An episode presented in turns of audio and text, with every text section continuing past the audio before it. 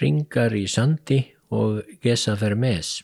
Hér er um að ræða upprifjun á dramatískri æfi ungversks fræðimanns af gýðingaættum sem dýfkaði mjög skilning okkar á Jésu frá Nazaret.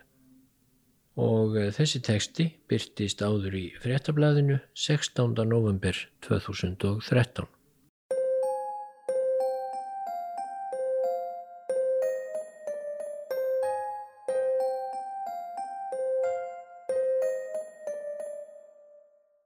Það var í Palestínu á dögum Rómverja. Maðurinn gekk greinilega á Guðs vegum. Hann var réttlátur, Guðrættur og mildur. Það sapnaðist um hann fólk til að heyra hann tala um Guð og sjá hann gerði kraftaverk í nefni Guðs og hann rak út ílla anda sem sest höfðu að í saklausu fólki. Lóks komst hann upp á kant við yfirvöldin því hann vildi ekki nota kraftaverk sín í þá þeirra heldur aðeins í þá Guðs. Þá var hann drepin. En viti menn, dauðin gæti ekki sigraðan. Hann kvarvissulegum stund í dá dauðans en svo reys hann upp aftur.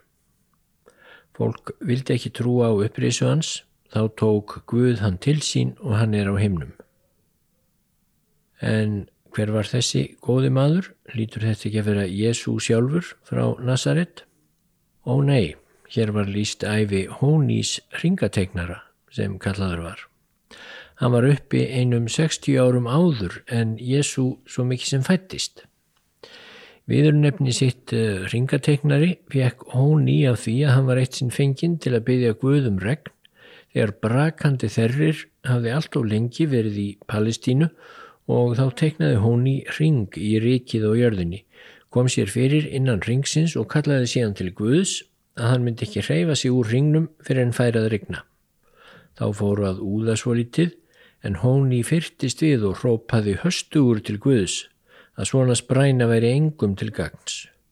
Þá let Guð koma steipiregn en hóni rótaði sér hvergi úr ringnum og útskýrði núþólinn móður fyrir Guði að hann myndi ekki hætta fyrir hann kæmi venjuleg rigning, góð fyrir gróðurinn og Guð létt undan Hóni og það fór að rigna eðlilega en Hóni var ekki einn á ferð. Þeir voru margir kraftaverkamennirnir í Palestínu um þær myndir. Eitt þeirra sem líka gerði kraftaverk og rakk líka út ílla anda, hann átti í svo augljósu og nánu sambandi við Guð að Guð ávarpaðan sjálfur af himnum og kallaðan són sinn. Var það þá ekki Jésu frá Nazaret? Nei, það var Hanína Bendosa. Hannína Bendosa var uppi nokkuð á eftir Jésu frá Nazaret. Hann var svo bænheitur að þegar eðla beit hann einu sinni meðan hann lág á bæn þá sakað hann ekki og tók ekki einu sinni eftir bitinu en eðlan drafst. Þetta var í frásögur fært. Já, þeir voru fleiri slíkir kraftaverkamenn og predikarar í Palestínu á dögum Jésu. Hasítim voru þeir kallaðir og sá grunur kviknar náttúrulega hvort Jésu frá Nazaret hafi kannski uppaflega verið slíkur hasít, vinalegur farandpredikari, kraftaverkamaður og læknir, fremur en að hann hafi endilega verið alveg eindregin sendibóði Guðs almáttugs. Fyrir ég að rifja þetta upp, að rétt í þessu uppgötaði ég að nýlega væri dáin sá maður sem frekar en flestir aðrir fræðimenn bent okkur á hver hinnar upprunalegu sögur um Jésu frá Nazaret virtust skildar sögunum um aðra kraftaverkamenn eins og Hóni Ringateknara og Hannína Bendosa. Þessi maður var einn af merkustu og allt hérnt skemmtilegustu fræðimönnum sem undan farna áratögi hafi verið að rannsaka hinn sögulega Jésu sem kallaður hefur verið. Það er að segja hver Jésu frá Nazaret hafi verið í sögulegu samhengi en ekki guðfræðilegu, hvað fyrir honum kunni að hafa vakað og hvað hafi í rauninni gerst á æfi hans. Alveg burt séð frá allir þeirri guðfræði sem smíðuð hefur verið í kringum hann síðustu 2000 árin og rúmlega það. Þessi fræðimaður var ungverskrar ættar og hétt Gesa Vermes. Hann eh, dó þann 8. mæ 2013 og einmitt um það leiti var ég að festa kaup á rafrætni útgáfu af síðustu bókinans sem eh, kom út árið 2012. Og burt séð frá áhugaverðu efni þeirrar bókar sem fjallaðum upp af Kristindómsins allt frá Jésu frá Nazaret og fram að kirkjuþinginu í Níkeu sem hófst árið 325 þá var líka einhvern veginn enkennilega vel við hæfi að lesa Fermes í splunkunýri kindiltölfu vegna þess að hann hófi rauninni fræðimannsferil sinn á því að rannsaka einhver þau eldstu handrit sem til eru í biblíufræðum, þar að segja döðahafshandritin viðkunnu sem fundust rétt upp úr setni heimstyrjöld í hellum nálagt döðahafinu í Palestínu. Vermes átti sjálfur ótrúlega æfi sem er jafn mikil ástæði til að halda til haga og fræðistörfum hans. Hann fættist í smáborg í Ungverilandi árið 1924 og var af geðinga ættum eins og ég hef þegar nefnt. Ætt hans hafði hins vegar ekki yfkað trú sínaði neinu ráði í hundrað ár og þegar Gesa var sjú ára letu foreldrar hans skýrast til kathólskrar trúar. Það gerði þau til þess að sonurinn hefði betri tækifæri en ella í Ungverilandi þar sem geðinga hattur var landlægt og fór vaksandi eftir fyrir heimsturjöldina. Fóreldrar Vermes voru bæði frjálslind í skoðunum og pólitík, fadurinn var bladamadur og móðurinn kennari. Trúskiptin áttu þannig aðeins að vera til málamynda en svo fór að móðir Gesa gerðist trúið mjög á kathólska vísu og sonurinn var sendur í ramkathólskan skóla. Þegar hann útskrifaðist tæplega tvítugur var heimstyrjöldin síðari skollin á. Ungverjar höfðu skipað sér í lið með þjóðverjum og enn fórað harna á dalnum hjá ungverskum gýðingum þótt skipulögð morð á þeim hæfust ekki fyrir enn árið 1944 þegar þjóðverjar hrifsuðu til sín stjórnartaumana í Ungverjalandi. Þá kom Adolf Eichmann til Ungverilands og skipulagði fjöldamorð þýskra nazista á þeim. Það eru til einstaklega óhugulega ljósmyndir af kátu starfsfólki útrýmingarbúðana í Ásvíts þegar það fór í berjaferð haustið 1944.